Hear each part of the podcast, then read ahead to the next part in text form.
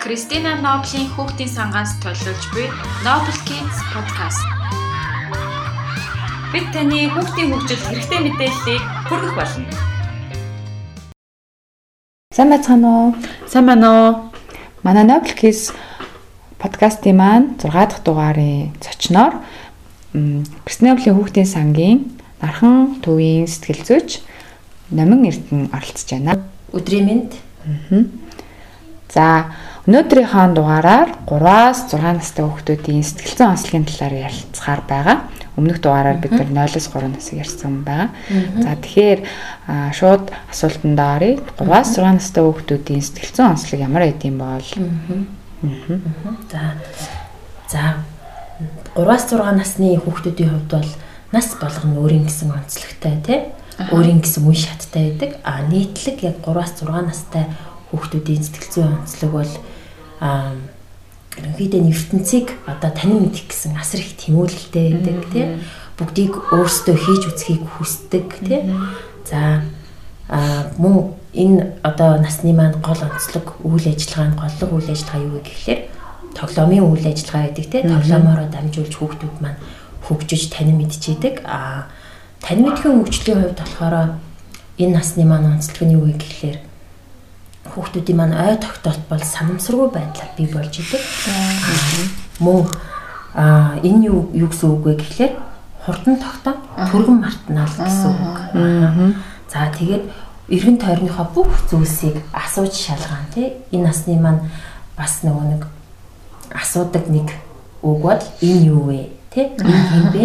Яагаад гэсэн асуултууд донд хүүхдүүд явж идэг аа. Тэгэхээр за тэгээд хит их бас нөгөө нэг хүүхдүүд маань номон дуртай болох бас магадлал өндөр байдаг. Яг энэ бага насны хүүхдүүд. Яг энэ наснд илүү номон дуртай болно гэсэн үг тийм. Яагаад вэ гэвэл тухайн энэ нас маань нас маань болохоор одоо зарим эрдэмтдийн үзэж байгаагаар бол одоо санаачлага ба гин бурууга мэдэрдэг үе нэ гэж үздэг байгаа. Тэгээд энэ маань юу гэсэн үг вэ гэхлээр хүүхдүүд ерөнхийдөө тоглох явцдаа одоо тоглоомоо өөрчлөх, тоглоомын гол дүрд өөрөө орж тоглох тийм ингээд тоглоомын тэр үйл явцыг одоо өөрчилж санаачлагыг бас нөгөө нэг өөрөө гартаа авч тэргээрээ дамжуулан бас нөгөө хөгжиж байдгаа маань. Тэгээд тэгт нь одоо ингээл шоолж мололж юм уу? Тэгж болохгүй нахна ш тий өөрийгөө одоо ээж нь бол наав нь болно болно гэж хөрн хөрн тоглолдог ш эсвэл одоо хин чинь тий эмч болно болно би багшин шүү гэж тий. тэгт нь ингээл хөрхөн айгуугаа дэмжээд тэрэнд нь харин ч дүр тоглоомыг дэмжиж өгнө тий. Тий. Магадгүй бас хүүхдүүд нөгөө ном унших сэтлэн төрдөг ч юм уу тий. Ном уншаад өгөөч гэж яхад. Зарим эцэг эхчүүд нөгөө нэг энэ насны бас нэг онцлог нь юу гэхээр нэг уншсан уншуулсан үлгэрийг дахин дахин ярих. Яг тэгээд одоо ингээд нэг номоо бүр ингээд урагдтал нь баг залхтал нь тий эцэг хийгээ залхтал ингээд үзүүлдэг дахин дахин яриулдаг. Тэгээд энэ үед болохоор эцэг эхчүүд бас юун дээр анхаарах вэ гэхээр яг л энэ хөгжлийн үеийг дэмжих хэрэгтэй тий. Тий чи дахин дахин уншууллаа гэж шинэ ном санал болгохгүй өөрөө хүсэж ивэл тэрийг нь уншиж өгөх юм байна шүү дээ тий. Яг энэ асуултыг асууя гэж бодож илаа. Энэ нас чинь нөгөө нэг аюу олон онцлогтой гэдэг байгаа шүү дээ. Тэгвэл томчууд бидний хүүхдүүдийг ойлгох хэвээр яг онцлог зан чанаруудны үеийн. За нэгдүгээр гэх юм бол олон дахин ном уншиж өгөөсөн залхахгүй байх хэвээр юм байна. А ямар ч асуулт асуусан залхахгүй хариулах хэвээр юм байна. Өөр бидний нөгөө нэг мэдгүй мэдлэг дутуугаасаа болоод хүүхдээ тэр шаах ч юм уу хүүхдээ загнах буруу харьцах янз бүрийн юм гарч магадгүй. Тэгвэл бидний ойлгох хэвээр хүүхдийн онцлог зан чанар юу байна? Өөр а өөрөөр хэлэх юм бол бас нэг юм онцлог байна л да энэ насны маань. Би би өөрөө өөрөө би өөрөө л бүхнийг хийн гэж хүүхдүүд аа энэ үед бас эцэг эхчүүд маань өөрийн чинь бас яг хэлтгэхэр мэдлэг дутуугаас ч юм уу те эсвэл мэдчихсэн хэрнээ бас нөгөө нэг ажилдаа ядраад те оройтж ирэх ч юм уу газ хоолоо хийгээд эртгэн амармаар байдаг те. Тухайн үед хүүхэд би одоо хүмүүс арилгамаар байна би угаая би угаамаар байна өмсөө те зэргээр бас хүүхдүүд маань аашилж идгээ тий? Энэ зан арын шин гаргаж идэг энэ үед эсвэл эцэг эхчүүд зүгээр орхих ёстой юм уу тий? Эсвэл одоо хийх ёстой юм уу? хийх ёстой юм уу? Эсвэл та нөгөө нэг ширүүн тогшин зангаа гаргах ёстой юу гэсэн бас асуулт бас гарч ирж байгаа биз тий? Тэгэхээр тухайн эцэг их маань яг энэ хүүхдийнхаа насны онцлог одоо энэ гаргаж байгаа зам үйлсүүдийг э, зүгээр байгаа чигээр нь хүлээн зөвшөөрөөд за магадгүй таны хүүхэд одоо аюултай л биш бол та аюултай тэр хэрэглүүрийг гаргаж ирэхгүй л бол тэ өөргөө гэмтэх зүйлсийг гаргаж ирэхгүй л бол тэр яг тухайн хүүхдэд тохирсон зүйлсүүдийг хийлгэж явах хэрэгтэй байдаг. Аа мөн тухайн хүүхдэд тохирсон одоо таны охин чинь ч юм уу тий ээжгээ гой хувцсны шүүгээтэй болох гээд л байж магадгүй нүүрний бодогтой болох гээд ээж магадгүй тий өөрийнхөө гой юм э, тоглоомуудыг үрдэг гой булантай баймаар ээж магадгүй тий тэр бүгдийг нь яг хүүхдэд тохирсноор бас хийж өгвөл таны хүүхдийн хөгжлийн онцлог тий хөгжлөн цаашид одоо эргээр явагдана л гэсэн үгээ тий За тэгээд энэ үед болохоор ер нь бол маш нөгөө нэг ийм дэврүүн тийм сайхан те асар их тийм тэмүүлэлтэй байдаг үе гэдгийгсэн шүү дээ. Хүүхдийн хөгжлийг одоо а ерөөсөө зогсоохгүй тулд те сааруулахгүй тулд эцэг эхчүүд бас юун дээр анхаарах хэрэгтэй вэ гэхлээр. Ерөөсөө тэр нөгөө захиран тушаас нь тэр хэв маяг гар биш те. Та бол хүүхдээсээ өндөр том бий те. Таны хүүхд бол жоохон тухайн та хүүхдтэйгээ харилцахыг хүсвэл яг л одоо нөгөө нэг нүднийхээ харцаар аа нэг төвшин нэг төвшин тий. очиж харилцах хэрэгтэй. За таны хүүхэд магадгүй буруу зүйл хийсэн гэж та бодож ивэл та түүнийг учир шалтгааныг заавал яагаад гэдэг үгнийг тэр цаад утгыг хүүхдэд тайлбарлаж өгөх хэрэгтэй. Магадгүй эцэг эхчүүд за энэ 3-6 настай хүүхдүүд юугаа мэддгийг? Тий ойлгохгүй юм чинь. Ингээл болгээл загичи гэж боддог. Тийм нь бол хамгийн том алдаа байдгаа. Тэгэхээр таны хүүхэд бүр маш гайхалтай ойлгодгоо. Тий ойлгоогүй юм шиг тэр ойлгох байдаг. шүү тий. Тий ойлгож идэг. За энэ насны маань бас нэг онцлог нь тухайн хүүхэд маань би буруу зүйл хийгээд байна да гэдгээ ерөөсөө энэ насны хүүхдүүд мэддэггүй тий? Ерөөсөө эрсдлийг тооцож үздэггүй гэсэн үг тий. Тэгэхээр манай эцэг эхчүүдийн нэг гаргаад идэг нэг одоо дутагдaltaй зүйл нь юу вэ гэхэлэр буруу зүйл хийгээд штэ чи гэдэг. Тэгээ энэ яагаад буруу юм бэ? Миний охин миний хүү гэдгийг тайлбарлаж өгөөгүйгээс л ерөөсөө алтаа гарч идэг. Тэгээ нөгөө шууд буруутгаад ахна шүү. Тэгтэл тэр хүүхд болохоор юунд буруу хийснийгаа өөрөө ойлгоогүй байна. Ээж яагаад намайг загнаад байгаа юм? Аав яагаад намайг загнаад байгаа юм бол намайг энд хоолоо хасгацсан чинь яагаад намайг ингэж алгадчихвч гэдэг юм тийм. Би зүгээр л хоолол асгасан шүү дээ. Энэ нь яагаад буруу юм гэдэггүй тийм. Тэгээ яг тэгээ энэ дээр бас нэг юм гинт санаанд орчлоо. Хүүхдүүд ингэдэг гинэ одоо ингээд тэр буруу юм хийгээл уг нь загнуулсан баа штэ. Гэтэ тэрийг ерөөс сандгүй ерөөсөө загнуулснаа санддаг гэсэн. Хөөр Тэгээд яа нэг хүүхдүүдээс ингээ асуултууд асуусан нэг бичлэг байсан штэ.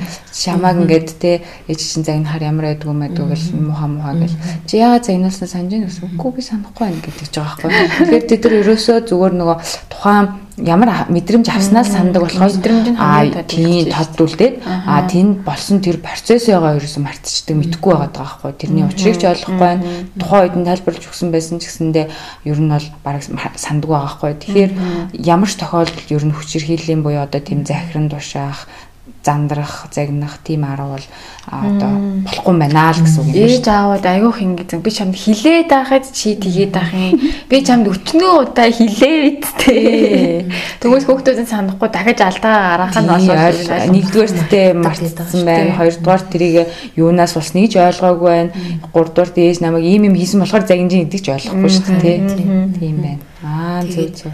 Одоо 3-аас 6 настай хүүхдүүд гээд онцолж яриад байгаагийн нэг хүчин эдгээр хүүхдүүд маань одоо энэ учир шалтгааныг тайлбарлаж өгөөд те магтаал гэдэг зүйлийг аюу нөгөө нэг хэтрүүлэлгүйгээр бас хэрэглэж болж чадах юм бол энэ хүүхдүүд маань магтаал үг нь маш дуртай урамшиж одоо сэтэл авч аюу их зүйлийг ингээд бүтээж идэг тийм бас бүтээлч үе бас байдаг. Тэгэхээр одоо ямар хэмжээнд магтах нь одоо хамгийн тохиромжтой юм те? Хэтрүүлгэн гэдэг нь юу юм? Тэрийг тайлбарлаж өгөөч.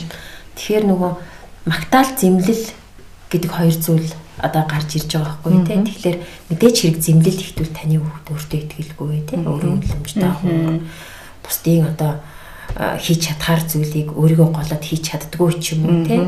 Тийм хүсэл мөрөөдөлтөө ингээд тэмүүлж чаддгүй хүүхд болох магадлалтай байдаг. Харин та магтаал зэмлэл хоёрыг яаж хослуулах вэ гэхлээр та магтахдаа тухайн хүүхдийн хийж чадаад байгаа зүйлийг байнга магтах биш те ер нь байнга магтах биш. Магадгүй санаанд жормгүйгээр таны хүүхэд одоо ингээд хувцаа зөв өмсчдөг ч юм уу те бие даах чадвар дээр нь ч юм уу те. Тийм зүйл дээр нь зүгээр өө сайн байна. Миний хүү сая чадлаа. Миний охин чадлаа Бүр амар оо ямар гоё юм бэ? Биш. Бүр тэр бол нөгөө хитрүүлсэн байна шүү дээ. Энийг уусаа чадах нь бол хэвийн үзэгдэл аа сайн байна. Чадлаа. Чадлаа гэсэн. Аа зөв зөв. Байна. Чи бол нөгөө нэг бүр онцгой гойд гоё юм хийсэн биш биш. Хийж чаддаг юм үлээж шинээр хийж чадсан байна гэж хэлэх юм биш бол онцгой хүүхэд гэдэг утгаар нь биш тийм ээ. Аа зөв чадлаа. хит их магтаал бас ихтэл хүүхэд магтаалын үг сонсоод л хийх гэдэг гэдэг болчихно. Магтаалгүйгээр хөдлөхгүй болчтой гэсэн. Магадгүй ажлын байран дээр гарчаад зэмлэлт гэдэг зүйлийг хүлээж авахгүй. чадваргүй чадваргүй болчин тий. Магтжээжлийн хүний ажлыг тий. Ажлын бүтээмж нь өндөр болдог бас. Тэгэл хүн болгон өөрийг нь ингээд айгүй тийм өндрөөр үнэлэх юм шиг ингээд хүлээлт өгсөн байж магадгүй шүү дээ. Гэтэл тийм биш байж болно шүү дээ. Одоо сургуульд ороход л гэхэд хүүхдүүд янз янзаар харилцаад тэрэнд ойлгохгүй ингээд дунд нь амар одоо сэтгэл зүйн байл хэцүү болно шүү. Тэгэхээр та өөрийнхөө хүүхдийг бодож л байгаа бол тэр нь бас зарим нэг юмыг нь бол өө сайн байна гэл. Аа бүр үнэхээр онцгой юм исэн бол үнэхээр сайн байна гэд. Тэрийг нь бас хит магтаалд одоо туртай болгож болохгүй шүү дээ. Би нэг юм уншиж хахад магтаалын талаар уншиж хахад жишээ бичсэн байсан л да. Нэг хүүхэд зураг зураад ирсэн. Тэгээ ээж аваад өө ямар гоё зураг вэ гэж явал. Нөгөө ястаа мундаг минь хөө ямар гоё зурсан ингээл. Тэгээ тэр хүүхэд ямар ч зураг зурсан ээж аав нь хараад нөгөө нэг юу хариу уруул үзүүлэх хэвээр хүүхдийнхаа зурсан зургийг үнэлэх хэвээр гэдэг гэж ойлгоод өө ямар гоё зураг вэ гэд явуулцдаг. Тэгвэл тэр хүүхэд дотроо нөгөө нэг ээж ээж аавын тэр магтаал юм үн цэнтэй байха болчдөг юм байна л да. Айл ямрын ч зурсан гоё л байна гэдэг тийм болохоор зургийг ингээд харахад магтмаар байгаа л одоо юу гэдэг чи ногоон өнгө хэрэгэлсэн чинь энэ цэнхэр өнгөтэй ямар гоё зөгтөж гинэ ч юм уу те. Яг тодорхой тэр бүтээлийн хараад тэнцэнээс нь чин сэтгэлээсээ хүүхдийнхаа бүтээлийг хараад үнэлгээ өгж өгж ин өгж байгаа нь хүүхдэд өөрөө айгүй том урам өгдөг гэсэн байсан. Зүгээр оо гоё юм ингээл явуулчих юм бол ямар ч гоё байх тухай яриулдаг юм уу тий. Яг хийж байгаа тэр нөгөө нэг тодорхой юмд нь магтаал өхнө шүү. Чи учраас л гоё гэсэн утгаар биш тий. Чи ийм юмыг чадлаа. Тэгэхээр тэр үйлд нь тий тэр нэг бүтээлд нь тэр нэг юмд нь амжилтанд нь ахна шүү. Яг зөв. Зарим эцэг эхчүүд бас юу ажиглагддаг вэ гэхээр хүүхдүүдэд яриулах гаддаг. Одоо ингээл цэцэрлэгээс нь эрэхтэн тий. Аа нөгөө нэг бас ярмааргүй санагдаж байгаа хүүхдэж болно шүү дээ. Ярихыг хүсдэггүй эсвэл өгдөө цөөтэй ч юм багш нь ч юм уу те магадгүй. Яагаад ингэсэн яагаад ингэсэн юм нүхтэй за энэ нь яагаад ийм болцсон те? Багш нь чамд юу ч хийсэн? Багш нь зодсноо ч гэдэг юм те? Гар хөрсөн гэдэг юм те? Яг магадгүй одоо та хүүхд чинь өнөөдөр би ийм хийсэн гэд хэлж байгаа ч гэсэн хүүхдээ яагаад ингэж яриад байна гэхээр та ерөөсөө л өдөрт нэг 20 минут за нэг 15 минут хүүхдэд тоглож байгааг л та харчихад таны хүүхэд өнөөдөр цэцэрлэг дээрээ баг юу хийсэн те? Таагүй зүйл баг юу тохиолдсон? Таны хүүхдээ танаас юу хүсэж байна те? Тантай хамт байхыг хүсэж байна уу аав ээжтэйгээ тоглохыг хүсэж байна уу те эсвэл арай өөр зүйл хүсэж байна уу гэдг нь бол ажиглагдчихэ да гэдгийг бас манай эцэг эхчүүд бас хит шалгаахгүй нэ тийм шалгаахгүйгээр тийм. тэгээ ажиглах нь байна өөрөө өөрөө бас ярьж эхэлж болно тийм тэгэхээр магадгүй ярьж болно. тэр хүүхд ярмаар байвал ярьчин тийм хит их бити хүчлээж ярихгүй ах нь хүчлэхгүй л ах юм байна тийм байна аа за. Тэгээ сая нөө цэцэрлэг ярангуут нь ярьлаа. Бодлоо л да ингээд энэ 3-6 нас чинь ер нь цэцэрлэгийн нас тийм за цэцэрлэгт явуулахад юуг анхаарах хэрэгтэй юм за тэгээ ер нь зарим хүүхдүүд бол бас цэцэрлэгтээ байж чадчих чадахгүй байна ингээд төрөл өөрөөр шүү дээ тийм энэтэй холбоотойгоор. Яг цэцэрлэгийн нас бол өөрөө 2-оос 5 нас байдаг. За тэгээд цэцэрлэгийн насны хүүхдүүд бол 2 наснд манай Монголын цэцэрлэгүүд бол хүүхдүүдийг авдаг тийм. За тэгвэл тухайн үед хүүхэд одоо хөтөвчн дээр сууж сурсан байх хэвээр гэж багш нарын заадаг тий танаа хөтөвчн дээр сууж сурсан уу өөрөө хоолоо иж чаддаг уу гэх мэтээр асуултуудыг асуудаг. За гэтэл зарим хүүхдүүд тийм чадварт арай суугаагүй хоолоо халбагч чидээгүй идэж сургаагүй ч юм уу ээж аав нь тий эсвэл тэр чадвар нь арай жоохон хожуу хөгждөг байж болно. Аа түүнийг бас нөгөө нэг мэдээж эрэг нэг цэцэрлэгт чинь доотлол нэг 20 30 40 хүүхэд Тийм шүү дээ. сурч идэг Олон цэцэрлэг бүр 50 60 хүүхэд байгаа. Тэгээд магадгүй дөнгөж 2 дугаар 2 настайдаа цэцэрлэгт орж байгаа хүүхэд аав ээж эмээ өвгийн инкриллээс на халбагдаж өгч ийсэн те хоолоо. Гэтэл тэр инкриллээс гараад бие даагаад халбагдаж идээд те хүүхдүүдтэй нийгэмшээд ингээд нэг ангид ороод эхлэхээр зарим үед нөгөө би чадахгүй юм байна. Ерөөсөө те ээж аав маань ингээд надад халбагдаж өгдөг байсан шиг багш маань халбагдаж өгөхгүй байгаа учраас зарим хүүхдүүд ингээд тийм ээж эцэг эх шиг н анхаарал мэдээж хэрэг тавь тавих нь хомс шүү дээ. Тэгэхээр хүүхдүүд цэцэрлэгтээ явахгүйгээр бас хаширж эхлэх бас үе үүдэг. Тэгэхээр бид нэр мэдээж хэрэг таны хүүхэд цэцэрлэгт ороход бэлэн үү гэдэг дээр л бид нэр эцэгчд өөрсдөө анхаарах хэрэгтэй. Бэлэн болсон тохиолдолд та за миний охин миний хүү яг бэлэн болсон. Энэ үед л би одоо явуулах юм байна гэж явуулах хэрэгтэй. Аа харин цэцэрлэгт яваагүй хүүхэд аа явж исэн хүүхэд хоёр яг нэгдүгээр ангид ороход бол яг ялгаатай харагдчихийдэг.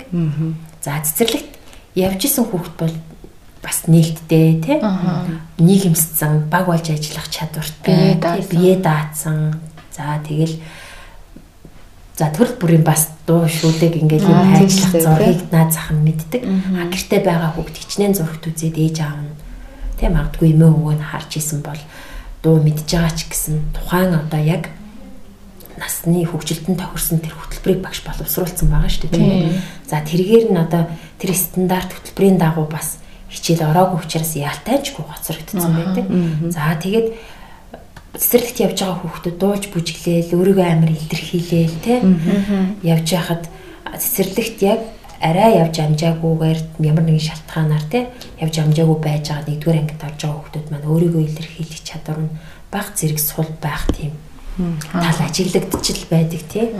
Тий. Мм зөв зөв.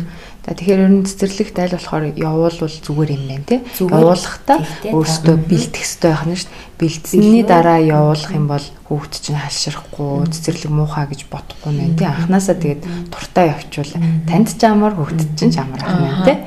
За тэгэнгүүт сая бас сургууль ярьсан юм чинь ер нь сургууль бэлхэн байдал гэж яг ямар зүйлийг хэлж байгаа юм тий. Сургуульд яаж бэлтэх вэ? Хүүхдээ сургуульд яаж бэлтэх вэ? За. За миний бодлоор болохоор аа мэдээч хэрэг одоо сургуулийн ахлах ангид хүүхдүүд маань зураг зураал нөгөө нэг цэцэрлэгийн цэцэрлэгийн тийм ахлах ангид овчлаа. Зураг зураал, бичгийн чадвар, бичгийн дадал гээл яг сургуульд орох бэлтгэлийг нь бол нийгэм швед талаас нь багш нар бол бэлдэж өгч байгаа нь ажиглагдчихийдэг. А эцэг эхчүүд юун дээр анхаарах вэ гэхээр сургуульд одоо хүүхдтэйгээ одоо сэтгэл зүйн өвч гэсэн бэлэн байдлыг бий болгох хэрэгтэй шүү дээ. За сургууль яад явмаар санагдаж байгаа юм миний хүүд те. Сургуулийн юунд гоё юм бол та одоо асуултаар дамжуулж хүүхдээ бас эрг зүйлүүлэх нь шүү дээ. Одоо сургуулийн одоо сургуульд одоо бэлэн байлгах те сургуульд бэлтгэх тэр сэтгэл зүйг нь одоо асуултуудаар дамжуулж бас олох нь олгож бас болно. Магадгүй ягаад хүмүүс болгон сургуульд явах хэрэгтэй ёстой гэдгийг ярьж өгнө шүү дээ. Аав ээж нь сургуульд анх яаж орж исэн тухайгаа тий. За сургуульд орохдоо ямар өнгийн одоо болт зүүмээр байна. Ямар өнгийн тэркөө өмсмөр байна. Мөн энэ насны хүүхдүүдэд заав сонголтыг өгч явах хэрэгтэй. Тийм хувцалтан дээрч тэр уурлаад исэн ч тэр тайвшруулахын тулд тий. Тэгээ сургуулийнх нь хичээлийнх нь хэрэглэлийг хүртэл авч өгтөө. Элса юу? Маквин уу тий? Ингээл сонголтыг нь бас хүүхдэд өгч явах хэрэгтэй. Тэгэл бодож байна да. За баярлалаа. Тэгээд сая нөгөө нэг эрэгтэй эмэгтэй хүүхдүүдийн талаар бас жоохон ялгаагаар одоо жоохон гаргалаа ш. Тэгэхээр ер нь эрэгтэй эмэгтэй хүүхдүүдийн хөгжлийн онцлог одоо ямар эдийн те сэтгэл зүйн онцлог нь өөр үд юм уу? Ялгаатай эд юм уу? Ялангуяа 3-6 насны хүүсээ мэдэж эхлэх үеэс яаж ямар онцлогуд илэрдэг вэ?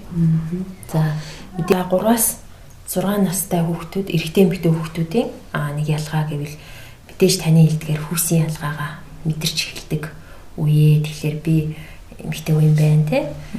Эмэгтэй би эрэгтэй гэж үздэг. А мөн эрдэмтэд болохоор үүнийг бас юу гэж тайлбарладаг вэ гэхэлэр аа яг энэ 3-5 настай хүүхдийн хүүхд бол эмэгтэй хүүхэд яг аавдаа илүү их сайн хандах ч юм уу те эрэгтэй хүүхэд ээждээ илүү их татагд ээждээ илүү их сайн байдаг ч гэдэг юм те энэ байдлаар бас тайлбарлсан байдаг. Аа яг уурга тархины хөгжлийн хувьд ч юм уу яг ярих юм бол эдгээр одоо эмэгтэй хүүхдүүд бол яг тархиных нь яг санаа зовних хэсэг нь хөвгүүдийнхаас том байдаг. Энэ юу вэ гэхэлэр нэг сонсох хөгжил нь илүү их нөгөө нэг охтуудын хөвгүүдийнхаас нөгөө хурдан хөгждөг гэх юм уу. Тэгээд охтууд айгүй хурдан хэлд ордог. Хэлний авьяас ч гэсэндээ охтууд илүү байх гэдэг шүү дээ.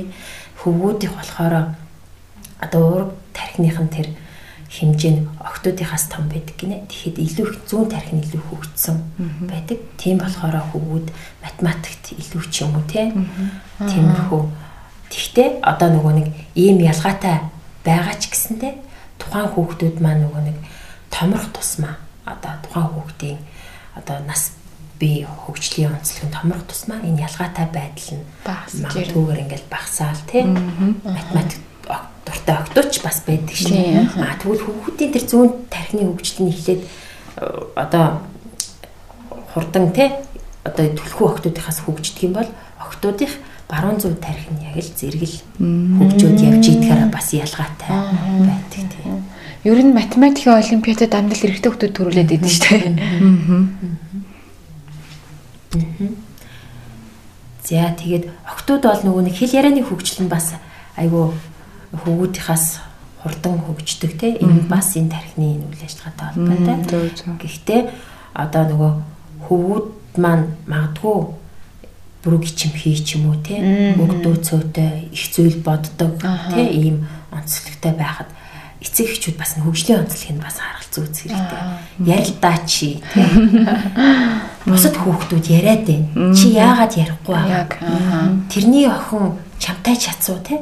Тийш дээ. Одоо тэдэн настай байхад миний хүү яг чацуу мөртлөө бүр хоцрогдсон байна ч гэдэг юм уу те? Ийм байдлаар бусдтай хүүхд бусдын хүүхдтэй өөрийнхөө хүүхдийг бас харьцуулах зүйлс бас ажиглагдаад байдаг. Тэгэхээр болж игэл та хүүхдээ хүүхдийнхаа бас онцлогийг тий тархины хөгжлийн, танин мэдгүй юм хөгжлийн, бие бэлдрийн хөгжлийн бүгдийн танин мэдээд та хүүхдээ яг байгаа чигээр нь тухайн онцлогтод тохиолж тийм. Хүн болгон чинь нэг цорын ганц гэдэг байна шүү дээ. Тэгэхээр заавал адилхан байх албагүй нэ. Дээрээс нас нөгөө ингэж бодлоо. Эрэгтэй эмэгтэй. Чи эмэгтэй юм чинь заавал одоо тийм хувц өмсч гэдэг юм уу? Битгийх тэгж тулгаарай тэр хүүхд өөрөө юу өмсмөр байгаагаа бас шийдэх эрх байгаа те а магадгүй зүгээр сонголт өгч болох юм те тэгээд өнгөний сонголтыг гэсэн эцэг орчин тойрны хүмүүс айгүй тулгадаг юм шиг надад санагдав. Тийм тийм чинь ягаан нэг ягаан ч гэдэг юм уу те яг хөө тэгэл өөрөө ягаан туртай ил болж ийн хамаагүй те дургу байхад нь битгий хүчлээж гэж хэлмээр санагддаг те хөвгүүд гэхээр заавал өмнөд өмсөөл ч юм уу одоо юу гэдэг цэнхэр мэнхэр ч юм уу машинаар тоглох албууд эдгээр юу өсч ийн өөрсдийнхоо л тоглож болно. Тэгэхээр хүүхдийнхаа сонголтыг бас хүндлээрээ гэж хэлмээр юм те. За хүүхдийн хөгжил гэж ярьсных нэг зүйлийг асуумаар байна л да. Бас айгүй олон эцэгчүүд асуудаг байх гэж бодож байна. Хүүхдийнхаа нөгөө нэг авьяас чадвар нь энэ насанд илүүтэй илэрх ийм тохиолдол байдгүй. Эсвэл нөгөө нэг авьяас нь мэдэгддгүү ч юм уу те? Авьяас чадвар нөгөө төрөлхийн нөгөө нэг байглаас заяасан бусдаас илүү заяасан тэр чадвар авьяас байгаа штэ тий Тэр нь энэ насандаа илэрч гарч ирдэг үү хизээ ер нь илэрдэм болоо. Тэрийг хэрхэн хөгжүүлэх вэ? За хүн бол одоо нөгөө нэг хүн болгон өөрийн гэсэн нөөц чадамжтай тий хүн болгонд одоо байдаг. Тэр авиасууд. Харин тухайн хүүхдийг та аль талаас нь одоо нөгөө нэг хөгжүүлж авиасыг нь нээсэн бэ гэдг нь бас чухал штэ. Магадгүй таны хүүхдийн нуугдмал тэр төрөлхийн магадгүй авиас 12 наснда ч гарч иж болно. 3 наснда тий 6 наснда та бага наснд нь дуулаад ивэл тэр авиасыг нь олж харсан бол та гаргаад ирсэн ч байж болно тий. Тэр зургийн авьяас нуугдмал зүйл нь магадгүй 8 наснда ч бас илэрч болно тий. Насны хувьд тэг янз байж болох юм байна тий. А сүүлийн үед бас ажиглагдж байгаа зүйл гэх юм бол хүүхэдтэй хит их ачаал өгöd байгаа юм шиг харагддаг л да. За өглөө хичээлдээ явлаа орой тараа төгөлдөр өрөөнд дагуулна явлаа. Тараа таквондо ч гэдэм үү тэгээ тавталхандаа явна. Тэгээ орой хурж ирээд гэрийн даалгавраа хийн гэл ер нь нөгөө нэг энэ тал дээр хүүхдийн сэтгэл зүйд хит их ачаал өгөх яаж нөлөөлд юм бол ер нь ингэж 3-6 настай хүүхдүүд нэг дор олон зүйлийг ингэж хийх нь тохиромжтой юу? Магадгүй бүр нөгөө тархины хөгжил дөнгөж хөгжиж байгаа болохоор бүр илүү хэрэгтэй байдаг ч юм болоо. Ер нь ямар байт юм болоо? Энэ насны хүүхдүүдийн яг анхаарлын төвлөрөлт бол ерөөсөө 15-аас 20 минут одоо яг анхаарал нь төвлөрдөг үе гэж байдаг те. Тэгэхээр багш нар ч гэсэндээ яг тухайн хүүхдийн яг нөгөө нэг анхаарал те анхаарлын төвлөрөлт анхаарлын сарнилтын тэр хэмжээнд дээр л тулгуурлан одоо конспект тэр хичээлийнхаа одоо заах тэр зүйлүүдийг бас төлөвлөдөг байх гэж бодож байгаа. Яг эцэг эхчүүдийн хувьд бол магадгүй өөрсдийнхөө нөгөө нэг бага насандаа одоо эзэмшиж чадаагүй тийм. Сурч чадаагүй тэр гой хөгжмийн дугуйлан тэр гой таеквондогийн сургалт тэр гитарын сургалт тийм. Энэ өөрөө бас нөгөө нэг авьяастай хэрнээ явж чадаагүй тийм эцэг эхчүүд яг хүүхдээ бас тийм болох гээд өөрийнхөө хийж үзээ тийм. Тийм миний хүүхдэл яг хийх ёстой. Би хүүхдийнхаа төлөө бүх юмаа зарцуулж тэ ингээ мөнгө болохын тулд хичээж байгаа гэж хэдий бодож байгаа ч гэсэндээ та цаагаараа магадгүй хүүхдээ хит их ачаалалд оруулах нь хүүхдийнхаа дур сонирхолд нийцээгүй тэ? Хүүхдийнхаа насанд тохироогүй н олон зүйлсийг хийлгэснээрээ таны хүүхэд ядарна стресст орно ууралж эхэлнэ тэ? Тэгэнгүүт тэр ууралж байгаа бухимдж байгаа байдлыг эцэг эхчүүд би чамайг те ийм гоё юм явуулж байгаа. Хүүхд яагаад уурлаад байна гэх байдлаар харьцал тохиол байдаг. Тэгэхээр таны хүүхэд 3-6 настай бол тоглоомоор нь дамжуул тий. Энэ тоглоомын нас юм чинь тоглох нь их чухал. Тэр нэг хөгжилт нь тоглоом нь гол үүрэгтэй гэдэг л тийм дугуулan гол үүрэгтэй биш шүү дээ. Тэгээд нөгөө нэг хүүхдээ эрт сургуульд оруулна гэдэг 5 настай хүүхдүүдийг сургууль явуулаад идэг шүү дээ. Тэгэхээр энэ буруу гэсэн үг байна тий. Эсвэл одоо хүүхдийн авиас чадвар одоо улс орнууд чинь 6-аас эхэлж байд чинь цаанаа тий учир шалтгаантай байгаа.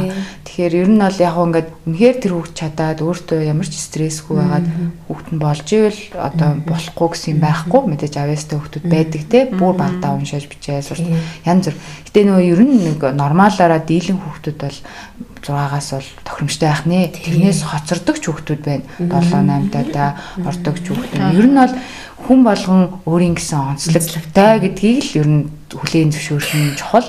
Тэгээд тэрэнд ингээд өөрсдийнхөө юмыг өөртөөгөө адилхан гэж бодоод ингэж тулгаж болохгүй тэр хүүхчин сонирхгүй байвал арай нас нь болоо гэж магадгүй. Та зүгээр санал болгож болно. Тэгэхээр энэ нөгөө сонирхлыг одоо ингээ олж мэдхийн бол магадгүй янз янзын юмыг сонирхуулж санал болгож үзээ. Тэрний алийг нь бас ингээд бас нэг анхаарад байна гэдэг дээр нь харж агаад өөрт нь ачаал өгөхгүй байдлаар явахгүй бол ачаал өгөөл стресс болчвол тэр хүүхд тэр нь дургуулч шүү дээ. Авьяастай байсан ч дахиж тэрийг хизээж харахааргүй болчих юм бол бүр одоо нэг сөрөг нөлөөтэй болчих юм шүү дээ.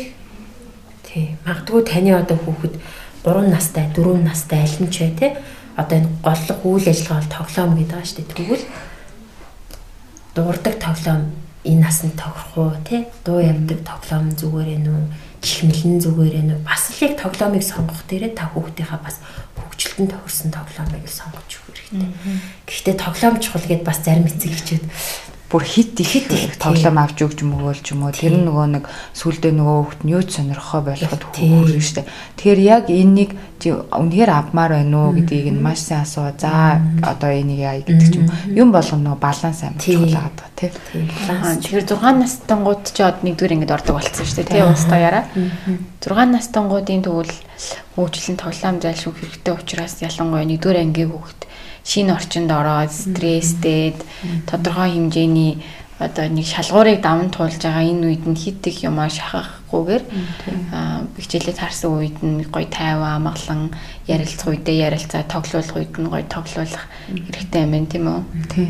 6 настай хүүхдүүдийн одоо энэ зөнгөлөх үйл ажиллагаа бас тоглоом гэдэг тийм. Тэгвэл багш нар бас яг энэ дээр нь тулгуурлаад хүүхдийг хит их ачаалд орохгүй сонирхолтой байдлаар тий богино цагаар хичээлээ бас ордог. Болсон байгаанаас ажиглагдчихийдэг тий. За ингээд сүүлийнхээ асуултыг асууя. Одоо ингээд эцэг эхчүүдэд энэ насны хүүхдүүдтэй эцэг эхчүүдэд та ингээд зөвлөгөө өгөөч битээр бас асуугаагүй юм үлдсэн байж магадгүй тий. За. За. За 3-аас 6 настай та насны хүүхэдтэй бол? Энэ хүүхдүүд дээр асууж байгаа асуулт бүр дээр нь одоо залхалгүйгээр одоо маш эвтэйх нэртэй хариулахыг хичээгээрээ таны хүүхэд би өөрөө хийн би бүгдийг хийн гэдэг л бас үр дүнг нь тооцч тий үр дүнгийн бас хүлээн зөвшөөрөөд өөрөө үцхийг нь хүлээн зөвшөөрөө гэж байгаа. Гэхдээ мэдээж хэрэг таны хүүхдэд аюулгүй байх хэрэгтэй. Тэрийг нь та бэлдэж өгөх хэрэгтэй тий. За а мөн хязгаар тогтоож өгөх хэрэгтэй гэж байгаа. Энэ юу вэ гэхлээр магадгүй та хүүхдээ хит их бас дураар нь ч юм уу те одоо хит их бүх зүйлд одоо хүргэхийг хүсэхгүй байгаа бол энэ ээжийнх нь юм те энэ миний үгийн юм. Миний хүү энд л хувцас авих ёстой энд ээж нь хийн. За хоёлаа хамтдаа хий за гэх мэтчлэн. За таны хүүхэд магадгүй та болохгүй гэсэн зүйлийг чинь нэхэд орилоод байгаа бол түрүүн бас хэлжсэн те энэ насны хүүхдүүд амархан мартдаг те амархан тогтоодог Юм бол өөр зүйл рүү бас анхаарлыг нь сарниулах бас боломжтой. Амархан мартыг давуу талж ашиглах юм байна. Таны ингээд бүх зүйлийг чинь ухаж тонгочоод ингээд уурыг чинь хүргээд байв. Яг тохирсон тэр шүүгийг нь хөөрхөн буланг нь бас гаргаад өгөөрэй энэ хүүхдэд заавал хэрэгцээ шаардлагатай байдаг. Хөөрхөн жижигхэн цүнх бас гаргаад өгөөрэй тий. За мөн та одоо ингээд хоол хийж байлаа гэхэд адилхан хурд эртээ утгаар юм ирч гээд байвал өөртөө зориулаад эргүү жижигхэн хөөрхөн тохирсон хэрэглэх түүнүүдийг бас аваад өгөөрэй тий. За эцэст нь хэлэхэд ер нь бол хүүхэд та хэрэг хийх хэрэглөөрийг нөхөхгүй бол хүүхэд хэрэг тарихгүй шүү дээ. Тийм болохоор гарт нь болохгүй зүйл баригдах гэдэг та тэрийг өөрөө дээш нь тавиад нуудаг ч юм уу тий. Тэгээд чөлөөтэй гүөх, чөлөөтэй хөр сэтгэхтэй сэтгэлийн хөтөлбөөнөө ингээд илэрхийлэх чөлөөтэйгээр илэрхийлэх боломжийг нь бас хүүхдэд олгох хэрэгтэй. Юу нэг юм асуумаар санагдчихлаа дахиад нэг асуулт асуучих. Хэд зөрүүд хүүхдүүдтэй яаж харьцах хэрэгтэй вэ? Ээж аав бол нэгэнх тохиолдолд зарим ээж аав айгүй төвчээртэй ханддаг боловч олон дахин зөрүүдлсний улмаас ээж аавыг уурлах тохиолдол байдаг. Яг нь ийм төрлийн хүүхдтэй яаж харилцах хэрэгтэй вэ? Дөрөв наснаас ахуулаад хүүхдүүд 3 наснд аюу хөөрхөн хөвлүүхэн байдаг штеп хүүхдүүд чинь. за гээл ингээл яг л урдах юм а хийгээл те. 4 наснаас эхлээл хүүхдүүд зөрүүдлэх тэгэл ширүү харьцах ойрлох. Тэгэл бүх юмыг ингээл зарим хүүхдүүд ингээд буулгах ч юм уу те. Жишээлбэл манай хүүхд ингээл уурлахаараа яг ширээн дээр хийжсэн юм а ингээд шидчих ч юм уу те. Тэгээ тэр үед нь бол мэдээж хэрэг та яаж байгаа юм бэ? гэж бол болохгүй нэ тэ чимээгүй эсвэл та орхиод явах. Тэ? Тухайн хүүхдийг та зөрөөдлөх тэгээд ууртай ширүүн байх үед нь төр зур бас ингээд тайван орхих хэрэгтэй юм санагдав. Тэг яагаад гэвэл гэхэлэр мэдээч хэрэг нь бага насны хүүхдүүдийн хувьд сэтгэлийн хөдөлгөөний удирдах тийм чадвар суугаагүй байдаг. Тэгэхээр таны хүүхдэд аюултай л биш бол хүүхдтэй орилох тийм инээ их чарлах, дэвхцэх, гуниглах, уйлах бүх орчин нөхцөлийн бүх тэр мэдрэмжийг нь гаргуулах тэр орчныг та өөрөө бас бүрдүүлж өгөх хэрэгтэй. Тэгээд төрөлхийн зөрүүд хүүхэд гэж бас байхгүй шүү дээ. Тухайн насны боломжийг нь олгох нь шүү дээ. Боломжийг нь олгоод тэгээд манай хүүхэд зөрүүч шүү биш те. Мэдээж хэрэг зөрүүдлэх нэг юм байсан байж таараа. Тэгтээ уурлаад юм уу энэ төр шидэхт нь бол дараа нь учир шалтгааныг та тайлбарлаж өгнө. Гэхдээ аль бол хүүхдэд тайван тий. тий байх юм чухал. Тий сайн нөө. Бас нэг юм санчлаа. Ингээд тайван гэснээс одоо тэр гоё орчныг бүрдүүлж штэ тий. Чи өөрийнхөө бай тэр хүүхд өөрийнхөө байх боломжийг ингээд бүрдүүлчихээр тэр хүүхд нөө амар өөрийнхөө талаар ойлгох нь танин мэдэх юм орчин тойрныг ч гэсэн танин мэдэх юм шүү дээ. Айдастай тэгээд нэг өөрийнхөө байж чаддгүй тийм орчинд хүний тарих нөгөө хөгжихгүй. Тэгэхээр хүүхдэл мундаг хүүхд болгоё, ухаантай болгоё гэж ивэл гоё тийм тайван орчин буюу тэр хүүхд өөрийнхөө байх боломжийг нь олго.